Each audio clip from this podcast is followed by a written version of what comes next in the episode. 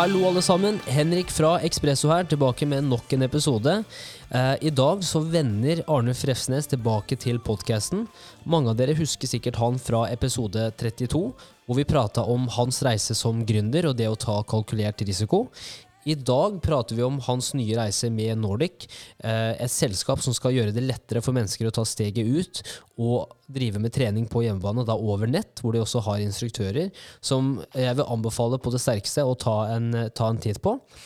I dag så prater vi om uh, ganske mye. Vi prater om erfaringene han har tatt med seg så langt. Og work-life balance det er noe som blir vanskelig når du er gründer, med alt det ansvaret det bringer. Vi snakker også om hva er det som kjennetegner mennesker som tør å ta risiko? Og hvordan kan vi få med flere til å tørre å gjøre nettopp det her, uten at resultatet må være perfekt? Vi dykker også inn i viktigheten av å kunne se på uh, læring, og at vi også prøver å endre perspektivet når det kommer til det å feile, men at det er noe som er helt naturlig. Det handler mer om hva du lærer av det når du, når du gjør det. Vi snakker også om politisk korrekthet, og vi ser særlig på det politiske miljøet, hvordan kanskje mange politikere har mista mer fotfeste. Politiske debatter som egentlig ikke er så interessante å se på, for det er veldig sjeldent det menneskelige kommer fram. Det er bare tematikken og huskenotater som, som blir sagt, og man skal selvfølgelig kommunisere det på 30 sekunder. Vi snakker også om alt det som skjer når det kommer til politisk korrekthet, hvordan, kan, hvordan, en følelse kan bli like viktig som et argument. Eh, vi snakker om debatten mellom Ro, uh, Joe Rogan og Neil Young, med politiske miljøet der. Og rett og slett, dette har vært en kjempespennende samtale med en person jeg ser opp til. Håper du får mye ut av episoden også. Håper du får en fin dag, natt, kveld, hvor enn du er. Og så at du fortsetter å høre på disse episodene. Dette er Arnulf Refsnes, tilbake på Ekspresso.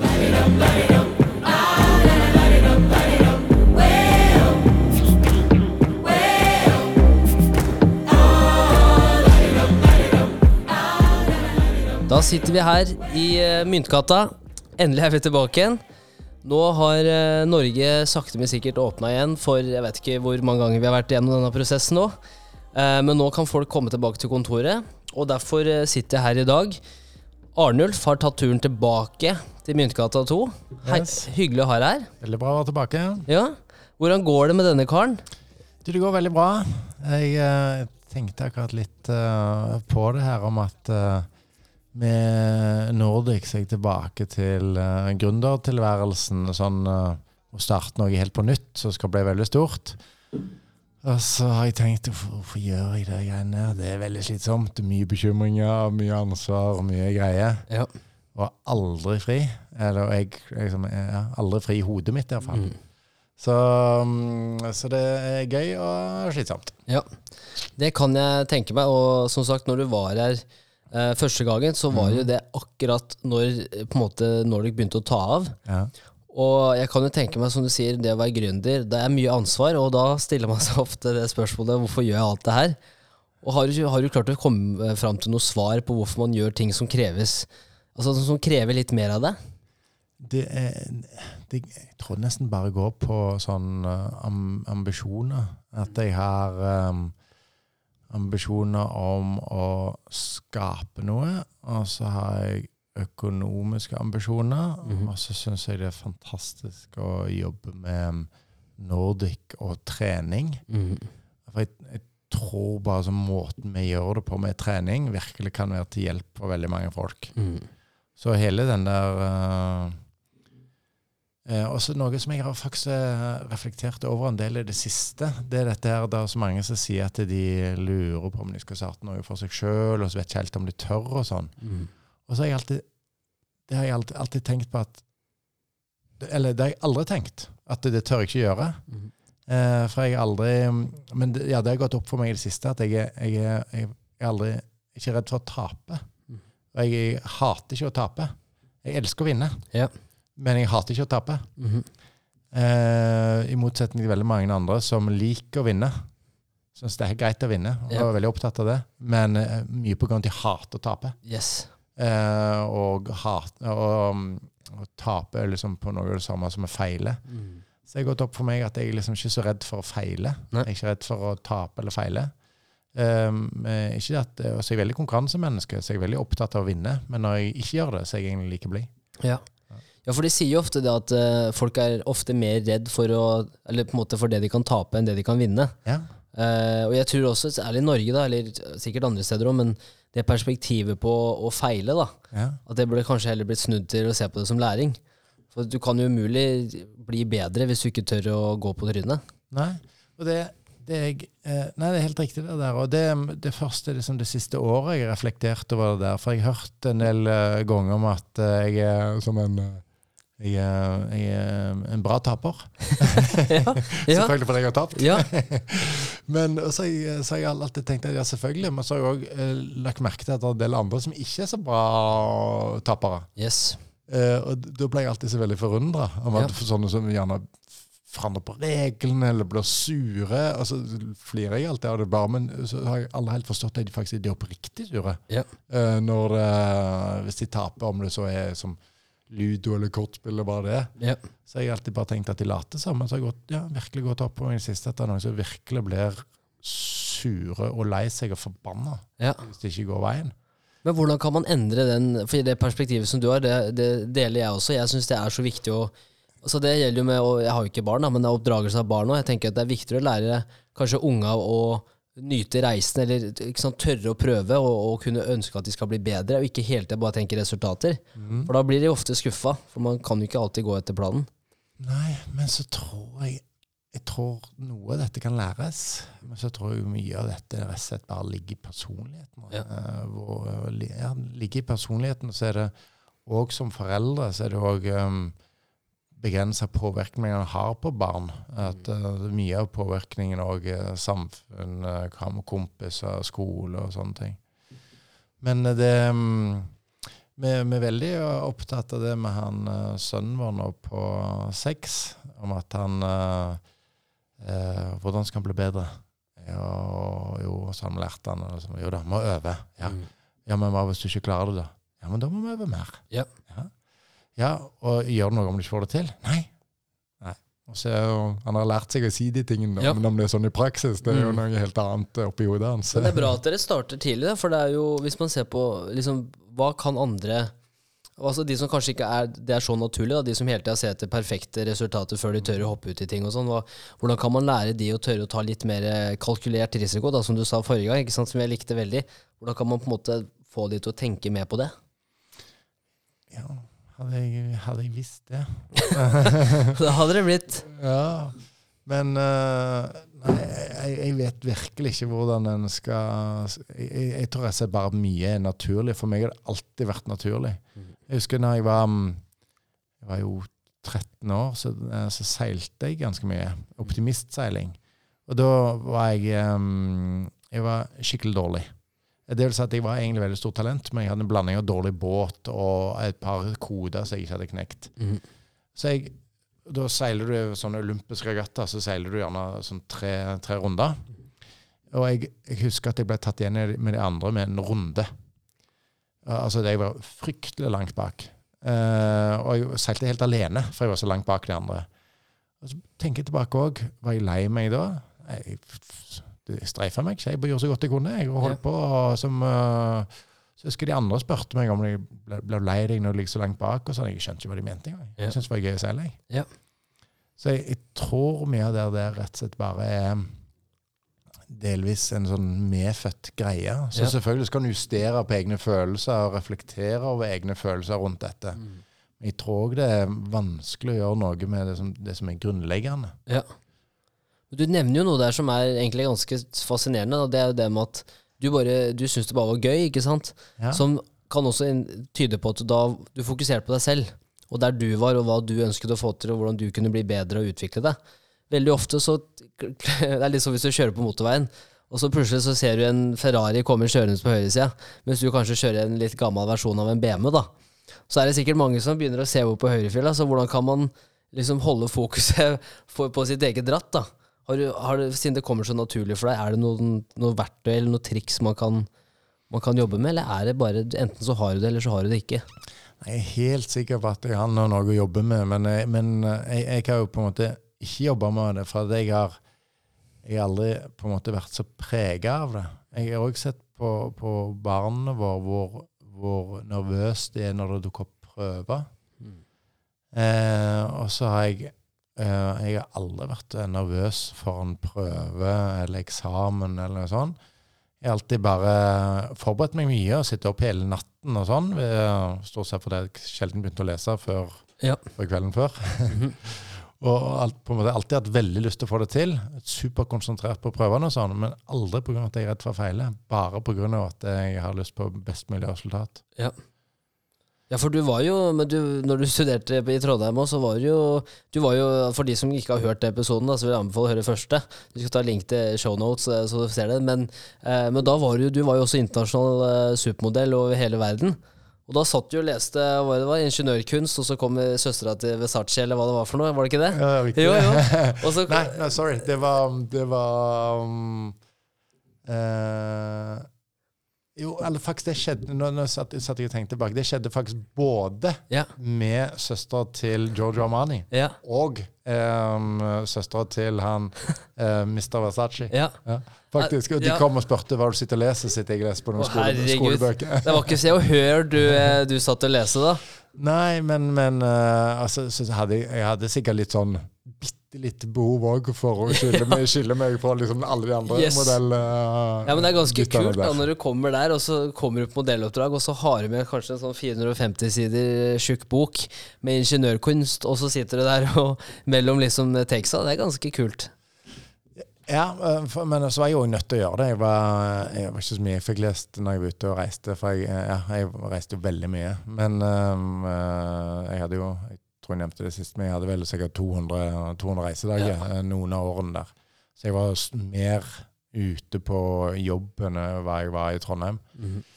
Men eh, Så jeg var nødt til å lese litt når jeg var ute, men Ja. eh, stort sett gjorde jeg ikke så med det. da. Og heller tok skippertak når jeg var tilbake. Yes. Ja, men Det kommer godt med det òg. Ja, jeg, jeg livet mitt er et stort skippertak. Så, Ja. det, så det, ja. Ja, for det er jo, hvis du tenker liksom tilbake de siste månedene, så har det jo, som du sier, da, det med, med gründerskap, så, så handler det også om å Det er ikke alt man kan kontrollere, på en måte, men altså, man er åpen for det uventa som kan skje. Og sånn da. Eh, og med den reisen dere har vært med på Nordic nå, har det vært noen altså Selv etter på ett og et halvt år, har det vært noen erfaringer som du har tatt med deg som du ikke har tenkt på før? Ja, eh, det har vært eh, mye. Eh, og det som jo det som jeg kjenner igjen fra tiden med, med brødboksen eh, og nå med Nordic, det er jo at en ser noen problemer, så tenker jeg at OK, bare få løst dette greiene her, så går, kan vi slappe litt av og Mm. jobbe systematisk med fremtiden og sånne ting. Ja. Men det er veldig vanskelig å komme ut av den der brannslukking brannslukking-modusen. Mm. For det er alltid greier som skjer. Ja. Ja, så, må det, så gjelder det å balansere med brannslukking mot å jobbe strategisk og, og, og med de store tingene framover. Mm. Det er en vanskelig balansegang. Ja. Og da er det jo veldig viktig å ha med seg eh, flinke folk som er duere, som Mm. òg får, får ting gjort. Men sånn på individnivå, da, så hvordan holder du den Eller hvordan holder du lysa på? Når eh, du ser at der er det enda en brann, og liksom, hvordan klarer du å fortsette å å liksom holde deg motivert? Og er det noen spesifikke ting som du, du velger å tenke ekstra over, eller som, som har funka bra gjennom en sånn prosess? Jeg, eh, jeg tror nesten jeg, er, eh, jeg er heldig som bare gjør eh, i sånne hektiske og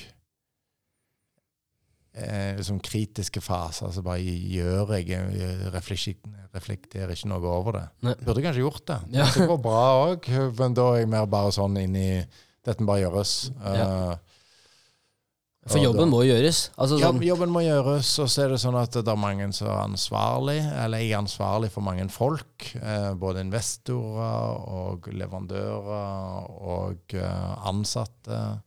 Så det, det må liksom bare gjøres. Ja. Eh, og så er jeg veldig flink til å få ting gjort ja, liksom, når det må gjøres, og så er jeg ikke alltid like flink til å få gjort de tingene som er sånne repetitive ting som kvitteringer. Og Ja. orden i kvitteringene. Yes. Og Og det er undervurdert. ja, Ja. er undervurdert å, å, å liksom hold, å gjøre det hver dag, Ja. eller undervurdert å, å ta det som skippertak. Og ta det som skippertak. Ja, for det er litt sånn, hvis du går tilbake til studiene, så med studiene så er det veldig lett å, å ta det skippertaket ofte, hvis man er god til å jobbe strukturert. Men det som er med sånne kvitteringer og reiseregninger og det ene og andre, at hvis du tar et skippertak på det, så plutselig så kan det være at det er noen kvitteringer som du har glemt, eller som du har mista, og da er det litt Ja. vanskeligere, da. Da er det vanskelig. Ja. Ja. Så heldigvis um, IT-systemene jobber på lag med oss her nå, Ja. altså. Så nå er jeg, nå er jeg uh, veldig flink til å bare ta bilder av ting med en gang og sånn. Bare få det unna. Får du unna? Ja. Men uh, det Jeg husker når jeg jobbet som modell, da. Da var det hvert år Ja. så satt jeg med sånne kjempebunker mm. med flybilletter, kvitteringer Ja. og togbilletter og liksom mm. alt mulig. Og så måtte jeg systematisere det til uh, 30 reiser. Ja. Men hvordan, altså på den tida når du jobba så mange steder over verden, over hele verden og forskjellige byråer, og hvordan var det med altså, Sendte du det en faktura, eller var det eh, samme som i dag, enkeltmannsforetak? Også hvordan, hvordan jobber man som en internasjonal eh, supermodell? Altså, det er bare jeg spør for en venn. Ja, nei, det, det, du, du, du har jo ganske mye hjelp av disse byråene. Um, man har jo modellbyråer rundt omkring, eh, sånn som jeg hadde da modellbyrå i Los Angeles, New York, Miami, Paris. Eh, alltid to i Tyskland, ett i München, i Hamburg, i Milano. Så, de, eh, så er det, har man som regel ett hovedbyrå som koordinerer det. Eh, for da er det folk som spør om eh, du er ledig for jobb da og da, og så er det noen som koordinerer, koordinerer dette. Så det er mer bare sånn De ringer meg. 'Passer det med jobb sånn og sånn?' Eh, Sånn, 'Passer det i livet ditt?' Ja. Eh, ja da, det passer. Eller nei, det passer ikke. Så prøver man jo å si ja da. Så OK, så legger de inn en eh, på en måte å holde av eh, tiden din eh, fram til de har bestemt seg, Mhm. eh, eller ikke. Ja. Og så er det byråene som tar seg av og, og, og, og henter inn pengene, og så er det bare å sende en regning til de når Ja. tiden kommer. Mm. Og hva kan man lære av altså, altså den tida da, som modell? Altså, hva lærer man gjennom den perioden? Ja, altså det, det som jeg jo lærte, det at det finnes jo en sånn arena der ute av mye sånn cele celebrities og sant? Jeg har jo øh, sittet på, på bord og spist middag med veldig mange kjente folk og vært på fester med dem og Mm. sånn. Altså norske, så- norske selvfølgelig, men òg med internasjonale kjendiser. Og det, det er jo, jeg ser jo at det er veldig mange som higer eh, og er veldig opptatt hvis det kommer en sånn kjendis på, bordet ved siden av på en eller annen restaurant, Mm. eller de ser noen som går på gata eller noe sånt, og snakker om internasjonal. da. Ja. Og, sånn, det, eh, og syns det er jo ut, utrolig kult, og, og de vil gjerne snakke med deg og sånne ting. Og så bare tenker jeg at det, det er jeg ikke opptatt av lenger. Nei. Og jeg har vel kanskje aldri heller vært det. Nei. Men um, så, så man Jeg vet jo at på en måte den verden fins der. Har, jeg har vært i den verden. Eh, Og det er gøy, det. Men eh, det er jo det er jo ikke noe annerledes. Nei. Så på en måte en sånn respekt, eller en sånn Ja, en form for respekt, eller en Forståelse? Ja, eh, eh, for som den verden har jeg jo eh, fått. Og så reiser jo mye og lærer mye forskjellige personligheter å kjenne. Mm. Så Men så, så ble jeg rett og slett bare litt mer sånn verdensvant. Ja. Men uh, det er ikke så veldig mye sånn konkret å lære. Nei. Men det ser jeg jo òg i, mm, i, uh, sånn, i forretningsliv og som gründer. Én ting er det hva du lærer på skolen, men kanskje noe av det viktigste av alt er jo kontaktnett, mm. som, som vi snakket om her tidligere. Og kon, kon, kontaktnett er jo utrolig viktig. Ja. Så å, å bygge opp det, og ha noen å ringe og, og spørre når du lurer på noen, eller den personen kjenner Mm. denne personen, så kan du sette oss i kontakt. Ja. Det er jo ekstremt nyttig. Nei, det, er- det er helt magisk, og det var jo som du sa, så vi snakka om før vi gikk på her, at uh, altså når vi begynte den podkasten her òg, så var det jo sånn Altså, det starta med at jeg ønska å prøve å fremstille sunnere forbilder. For jeg følte at det var veldig, var veldig lett å gå, eh, liksom gå seg vill i den jungelen av veldig mye overfladiske ting og, og, og på en måte falske eh, kanskje forbilder da, som kanskje fremstiller kanskje verdier som ikke er noe særlig til nytte, eh, og særlig for de yngre. Men etter hvert så var det også for Jeg ønska egentlig bare å komme i kontakt med mennesker jeg ser opp til. Eh, og så etter samtalen med deg så skjønte jeg også ja, men når du først har kommet i kontakt med de menneskene her også, så bygger man jo et helt usedvanlig nettverk, Mm. som igjen kan være en verdi som du kan tilføre til de som både er med, og de som lytter. Eh, og jeg ser jo det nå at bare sånn Når jeg ser tilbake på Nå er vi nærmere Det blir jo snart 100 episoder. Eh, og det er jo morsomt å se tilbake på og tenke på alle de kule menneskene man har møtt. Eh, men samtidig, sånn som nå, da, at vi sitter her igjen. Det hadde jo aldri skjedd hvis ikke vi hadde turt å ta den, den praten den første gangen. Mm. Eh, og for meg, jeg har jo lært utrolig mye. Jeg håper du har fått, fått litt ut av det òg. Men Ja, det er kjempeviktig. kjempeviktig. Og så gleder jeg meg til den festen så, Yes. så du skal arrangere, så jeg og alle de andre gjestene skal komme på. Yes, og det skal, det, mark my words, det, det må bli en ordentlig fest. Da skal vi fikse da må vi fikse noe musikk og noe Ja, det, må, det skal bli bra.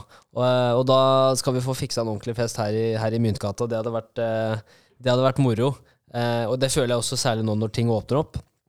Det å møte folk igjen, og, og kanskje eh, altså mingle, men rett og slett bare snakke om temaer som er litt viktige, og liksom skape den møte, møteplassen for uh, folk som har forskjellig bakgrunn, men som kan få veldig mye ut av hverandre. Jeg tror det blir, uh, blir kjempebra, Mm. for å si det sånn. Så da får jeg finne en dato, så skal jeg invitere deg. Ja. Men, men sånn, med tanke på en annen ting som, som altså Særlig med gründerskap, men det å også stikke hodet fram, da.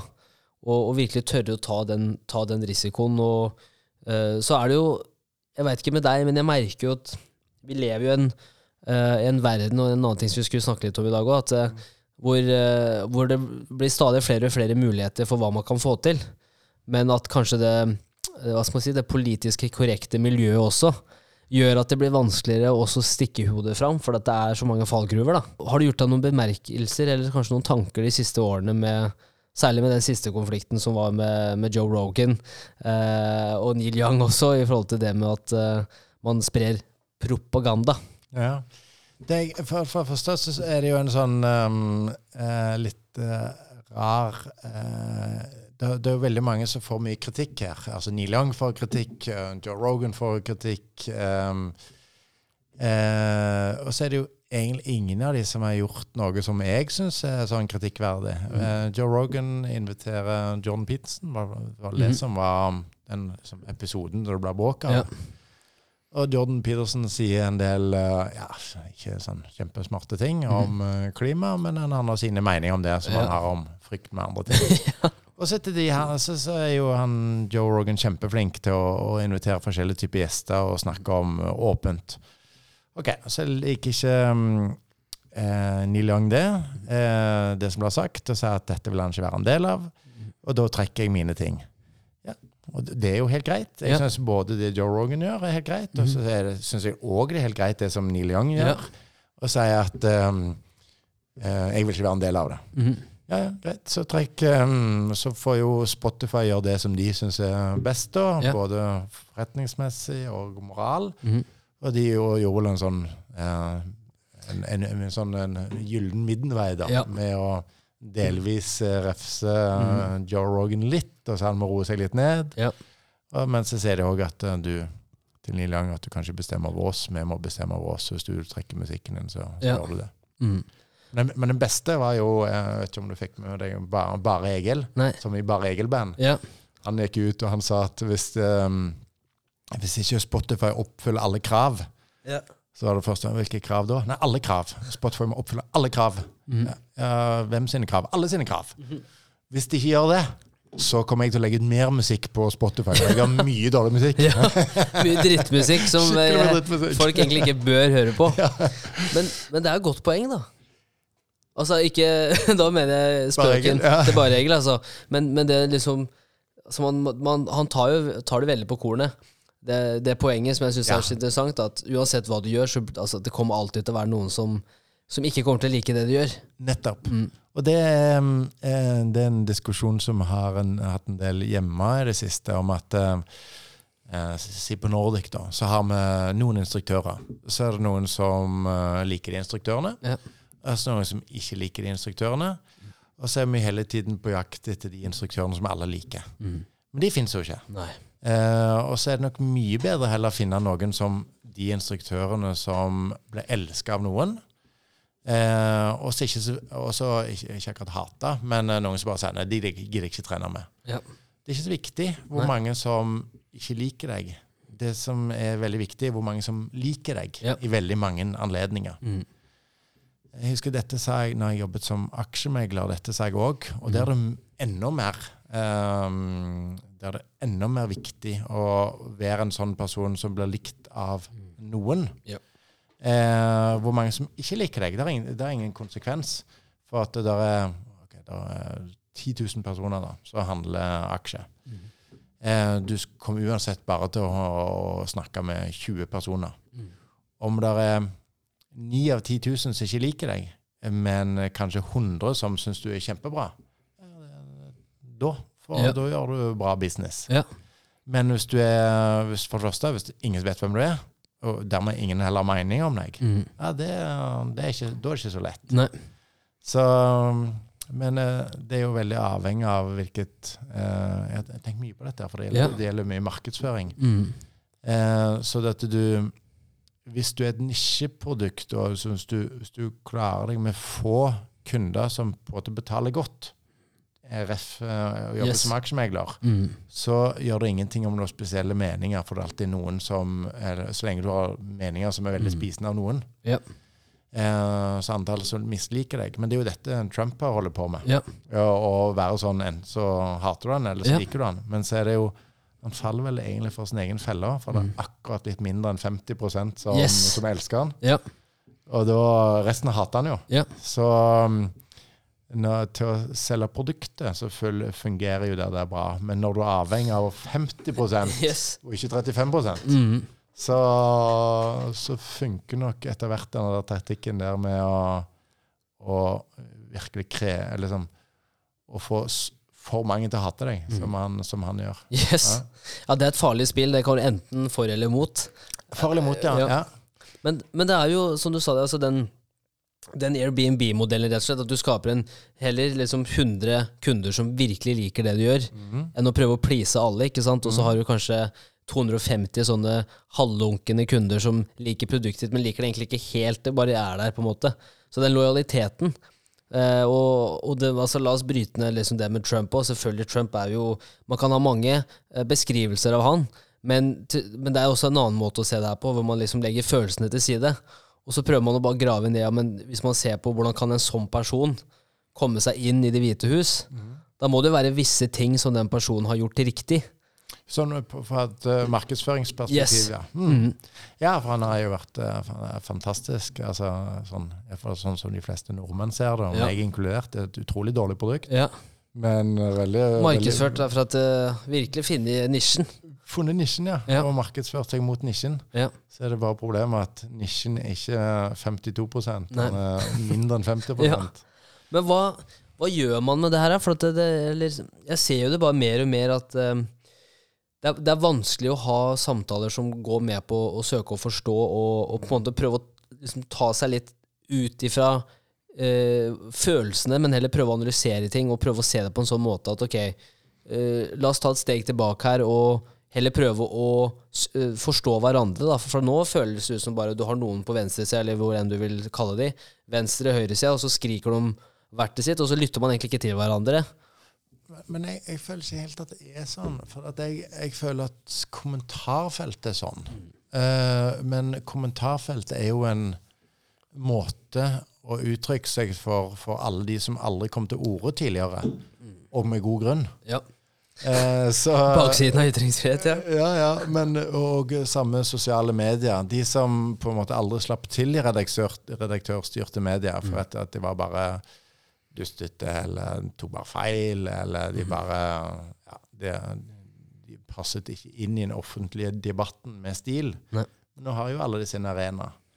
Så jeg ser at det, det er jo en spesielt um, kvinnelige de- debattanter. Det har jo vært mye snakk om at de mange som kvier seg for å være med i offentlige diskusjoner, for de får så mye hat etterpå. Ja. Så tenker jeg at ja, men hvor mye hat får en egentlig? Um, får hat i kommentarfelt, uh, ja. Og så får, kommer det sikkert noe på deres sosiale medier, meldinger til de. Men ok, kanskje det er så mye som 100 personer da, som uttrykker et eller annet veldig negativt og hatefullt uh, mot de. Mm. At det ofte er så mange, men si 100, da. Ok, Men tenk Norge da med fem millioner innbyggere. Det er jo, 100, det er jo minst 100 som er helt uh, utrert i hodet. Ja. Og Tidligere så hørte man jo aldri noe fra dem. Nei. Men nå, har de, nå hører man plutselig fra dem, for Ja. det er så enkelt å, å, å si noe. Mm. Så jeg, jeg har aldri helt forstått at man som en samfunnsdebattant skal bry seg om um, sånn type sånn kommentarfelt og, og sosiale medier. At det Ja. er mange duster som, Mm. som sier noe der. Ja. Det må man bare filtrere ut, for det, Ja. det er sånne folk som jeg ikke hadde sluppet til tidligere. Jeg Nei. tror ikke egentlig at folk har Det aner meg da at folk har ikke liksom, mer spesielle meninger nå enn før. Det er bare at de spesielle meningene slipper mye mer til. Har en megafon og Ja, de har fått en megafon, rett og slett. Den, eh, hva skal jeg si, den um, gale konen på hjørnet Yes. har plutselig fått en Eller han uh, fylliken eh, Ja. for, det er jo åpenbart en del av disse som kommentarene som ble skrevet fulle. Ja. Eller han der fylliken som liksom ingen hørte på Mhm. tidligere. Plutselig så sitter de og skriver noe, Ja. Uh, og så er det noen som bryr seg. Mhm. Jeg har liksom bare aldri forstått at man skal bry seg om det. Det er som det, er, um, Ja. Det, det, det, det er bare ikke verdt å bry seg om det. Nei. Eh, men så er det jo det at eh, altså, Jeg sier jo òg at eh, dessverre så blir seriøse debatter òg liksom infiltrert av utrerte syn. Mm. Eh, og eh, massene påvirker jo hverandre. Eh, så det er jo Ja, det er litt vanskelig. Eh, og eh, å bare si at man skal ikke, skal ikke bry seg. Mm. For eh, det, det er jo stadig vekk sånne eh, artikler i avisen og sånne om at ja, du fikk mye motbør på dette. Mm. Jeg fikk mye motbør. Nei, jeg fikk ikke motbør av seriøse folk. Det var masse tullinger som, mm. Som kom og, og maste. Yeah. Eh, men, og som òg noen populistiske politikere da utnytter. Mm. Både på høyre- og venstresiden. Yeah. Men eh. Jeg føler bare at man eh, eh, Man må huske at det er altfor mange tullinger som har fått megafon. mm. Og det, de må man bare i hodet sitt skru litt ned. Ja, for det er jo ja, ofte da, så når, når man hører om kjente folk som liksom eh, Ok, du publiserte det her, eller du gjorde det her, og dette eh, brakte fram denne reaksjonen. Hva tenker du om det? Og så er, sier du kanskje åtte av ti ganger så sier de alltid sånn Ja, det er, fikk masse hyggelige tilbakemeldinger, men det er alltid de enkelte tilbakemeldingene som setter seg mest. På lik linje som at vi er mer redd for det vi taper enn det vi kan vinne, eller sammen med det positive og det negative. ikke sant? Så, så det er, men det er litt den der jeg tenker også Det har vært mye sånn uh, f.eks. med Sofie Elise, ikke sant? hvor hun også har fått så det skinner i kommentarfeltene og det ene og andre sånn. Og så har du hun på andre sida som mener at eh, du kan på en måte ikke sammenligne med hun som et menneske med hennes AS, da, som er hennes selskap. Du må på en måte skille de. Men da er det igjen, ja, men du er jo AS-et ditt, og du er jo personen Sofie Elise.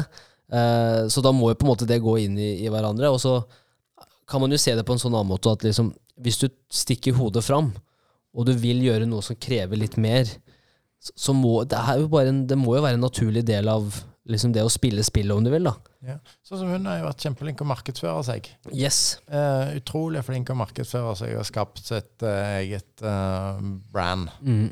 Eh, altså, men noe av, eh, noe av markedsføringen òg er, er jo at folk eh, Yes. Noen hater. Mm. Eh, og eh, det er jo litt sånn jeg var inne på, at det er mye bedre å ha noen som elsker, og noen som hater, hvis du skal selge noe, enn at alle er bare likegyldige. Ja, jeg tror ikke det er tilfeldig heller. Det er nok ikke det. Jeg tror, nok, jeg tror nok det teamet bak der også skjønner på en måte at ok, hvis vi gjør det her, så får vi mer eh, trykk på bloggen, eller vi får mer trykk. Det blir jo det samme som medier nå. Du ser jo de største mediehusene i Norge nå. Altså det, det er mindre og mindre forskjell mellom Se og Hør og de enn det det var før. Det er ganske sjukt med clickbait, så det er ikke måte på. Det er, alle disse overskriftene som er eh, eh, men eh, dette skjedde. Ja. Eh, og, og så, ja, ing- ingenting om hva det dreier seg om. noen ting, eller ja, Se mer på VGTV, se mer på tv2.no. Prøver så godt jeg kan, aldri klikke på de Mm. åpenbare klikkbeitene. Men så ser jeg det på meg òg, jeg klarer det ikke helt. Nei. Nei, for det er noe jeg har tatt med mange ganger når jeg sitter og leser. Sånn, ok, nå ble jeg litt frista til å trykke der nå.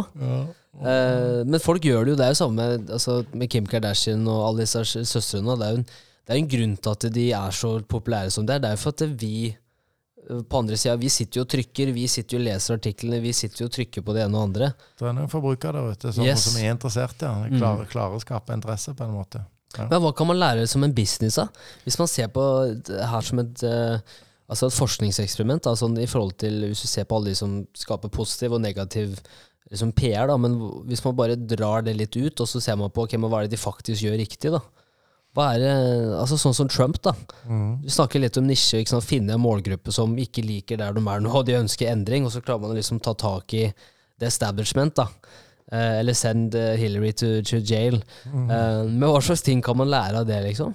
Så skal jeg prøve å uh, forme med en sånn egen markedsføringsstrategi rundt dette. Jeg, ser mm. det, jeg, jeg, har- jeg har spurt en del sånne mer Jeg er jo ingen eh, jeg har ingen grad, jeg har ikke studert markedsføring, men jeg har sp- spurt en del markedsføringsfolk om det er om det finnes litteratur om dette her, om i hvilke tilfeller du, det lønner seg å være en sånn splitte-hersk-type, Mm. og hvilke tilfeller du må mer go med mainstream.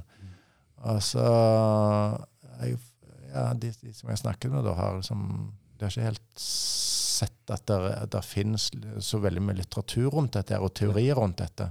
Det må sikkert finnes noe, men jeg tenker at jeg skal prøve å formulere, sin, formulere min egen teori rundt yeah. dette. Ja, tilbake sånn som han Joe Rogan, da, som er jo en eh, sånn veldig eh, eh, frittalende type som går veldig eh, Som går veldig mot han går, han går ikke mot i meninger, men han går mot i stil på det veldig etablerte. Ja. Eh, og har jo fått enorm eh, suksess med det. Se, ser du noe på UFC, eller? Jeg har gjort det litt før, men ikke Ja. så mye. Nei? Men jeg veit jo at han er moderator der, så han kommer jo ofte og kommenterer. Ja, kom, kom, Mm. Han kommenterer veldig mye der, og så jeg, på en måte, jeg har jo fulgt med han de siste 15 årene. Mm. Eh, Fra Hva var det det het? igjen? eh, Fear Factor. Fear Factor. Fy Ja. faen, jeg elska det showet. Ja, det, det så jeg faktisk aldri. Det var helt, det var helt konge. Jeg husker jeg var liten og så det. det var, det var kult. Ja. Det så jeg faktisk alltid, men, eh, men helt fra starten av um, UFC, når han var kommentator, så har jeg fulgt med han hvor han har gått fra å være en sånn ja, eh, komiker uh, til å bli um, superkjendis eh, nå de siste to årene. Og, Ja. ja. Ja, det er helt Altså, jeg husker jo når han fortalte om det her òg, når jeg hørte en episode, så sa han jo at uh, han spilte jo inn hundrevis av episoder før det hele tatt begynte å få litt traction. Ja. Og, det er så sjukt at man gjør dette over flere år, og så plutselig så bare er det et eller annet, ikke sant, hvor plutselig så treffer han podcast-viben, liksom, viben da, den flowen, og plutselig så bare er han der Ja. og blir mer populær, og så ser det ut som det går over natta, men så er det egentlig bare hardt arbeid over så mange år. Hardt arbeid over mange år, ja. Yes. Mm, Det, Men han nevner jo også om eh, en ting som Altså det formatet som jeg liker med, med Joe Rogan sin podcast òg, at det, er veldig vanskelig å plassere en. er det første liksom, du, Hvis du skal tenke bås, da, så er det, det er veldig vanskelig å si om han er liberal, om han er det ene og andre. Mm. Men det jeg syns er fascinerende med den podcasten, er at når han har gjester, Mm. så, så er han alltid kritisk. Du hører at han stiller spørsmål. Hvorfor det? Mm. Hvorfor tenker du det? Hvorfor mener du det? Men at han gjør det med folk på alle mulige fronter og bakgrunner, og, og, og jeg føler at det er også veldig viktig. At man kan ha de samtalene uten at det blir sånn Nei, nå såra du følelsene mine. Mm. Det, Ja, ja. det likte jeg ikke. Ja, det, det er jo eh, en annen eh, Noen andre som jeg har eh, alltid syns har vært veldig flinke til uh, Ylvis. Ja. Uh, disse Ylvis-brødrene. Mm. De, eh, det, det er noen personer som er sånn at de kan stille kritiske spørsmål og stille spørsmål. Ja. Der som andre ikke tør. Mm. En kan gjøre det på en sånn måte som er veldig avvæpnende. Ja. Jeg har sett, De hadde den her um, Nor Norges herligste Norge, ja. Norge det? Ja. Jo. For det er for Den serien, den var herlig. Ja, det var fantastisk fordi eh, for, det, for det kan veldig fort bli kleint. Der sitter jo noen som er litt sånn på en snurr der og skjønner ikke helt hva de sier. Men, Yes. men sant, da så kan du enten bare si mhm, Eller så kan de bare Du, nå skjønner jeg ingenting av hva du snakker om her. Nå må, må, må, du, må du snakke høyere så, Ja. og, og tydeligere, så vi kan forstå deg. Mm. Og det er, jo, det er jo noen som har den evnen å- til å stille spørsmål uten å, å, på en måte bli frekke eller um, være støtende. Mm. Eh, og de har en sånn fantastisk Ja. evne til det, da.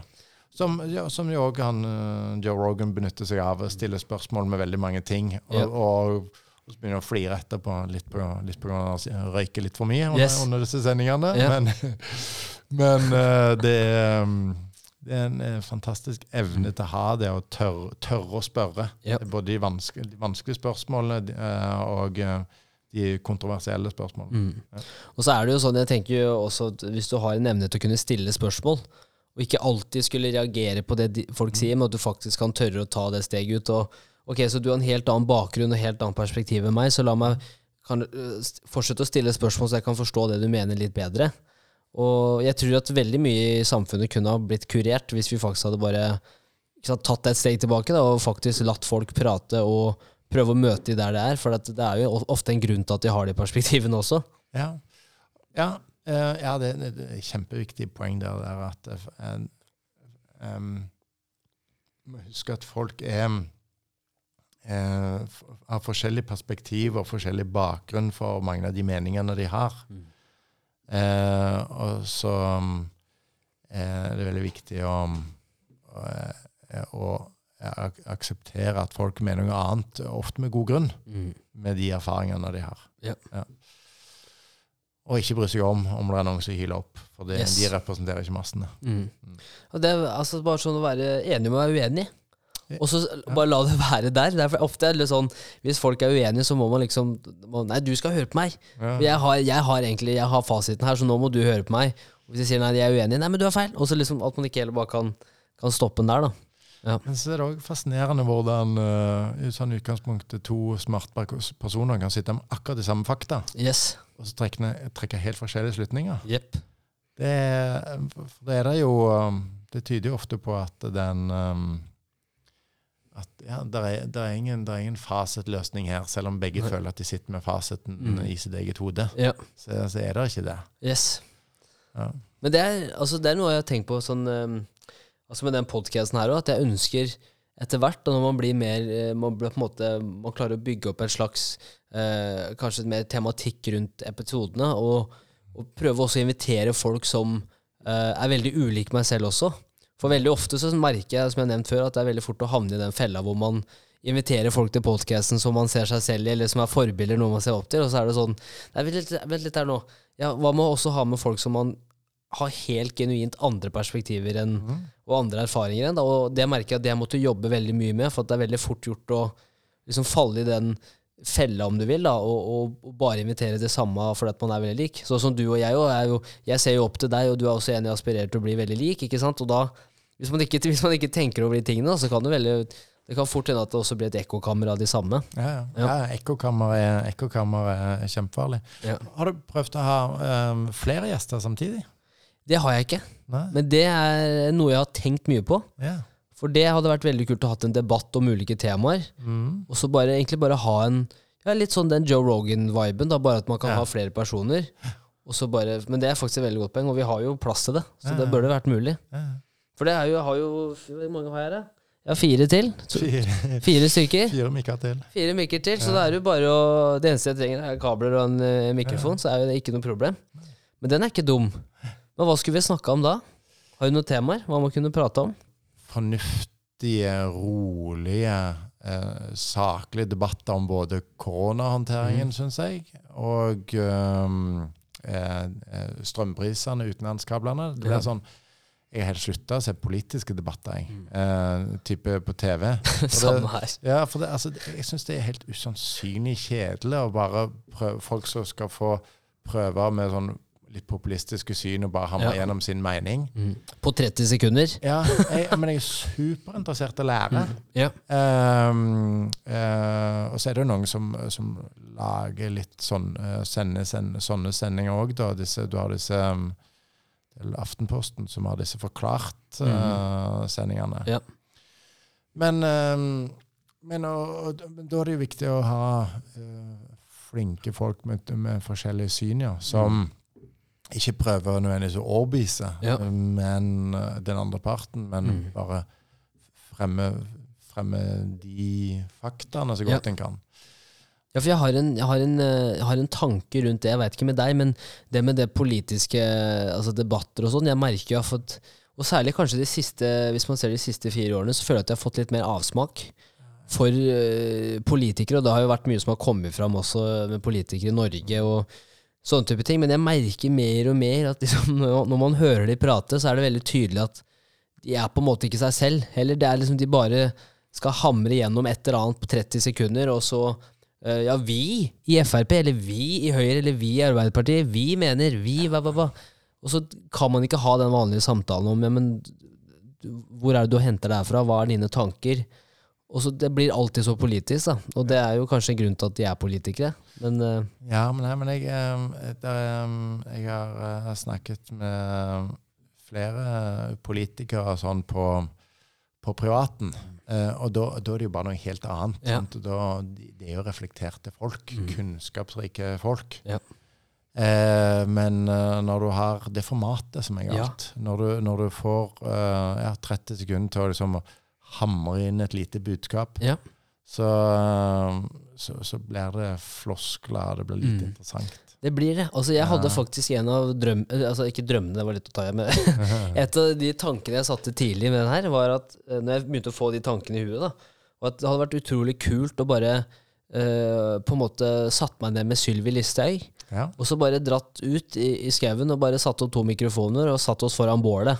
Mm. Og så bare prate, og så bare prøve å forstå.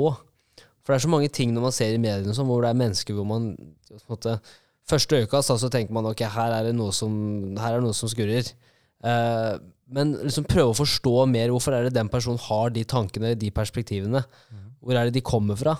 Eh, så det tror jeg kunne vært kult. Ja. Litt mer eh, som det er uavbrutt, da. Ja, det, det, og det tror jeg nok, for jeg er, altså, jeg, jeg, jeg er rimelig sikker på altså, For det er jo Jeg er rimelig sikker på at hun egentlig eh, har en fornuftig person.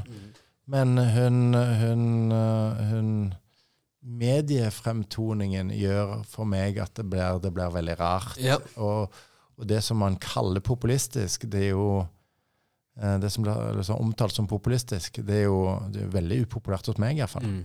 Ja, det, jeg har den samme tanken sjøl. Ja. Uh, Og jeg tror det er mange av oss. Mm. Eh, jeg tror bare at det er ikke vi som da går og skriver sånne uh, korte kommentarer i kommentarfeltene Yes. etterpå.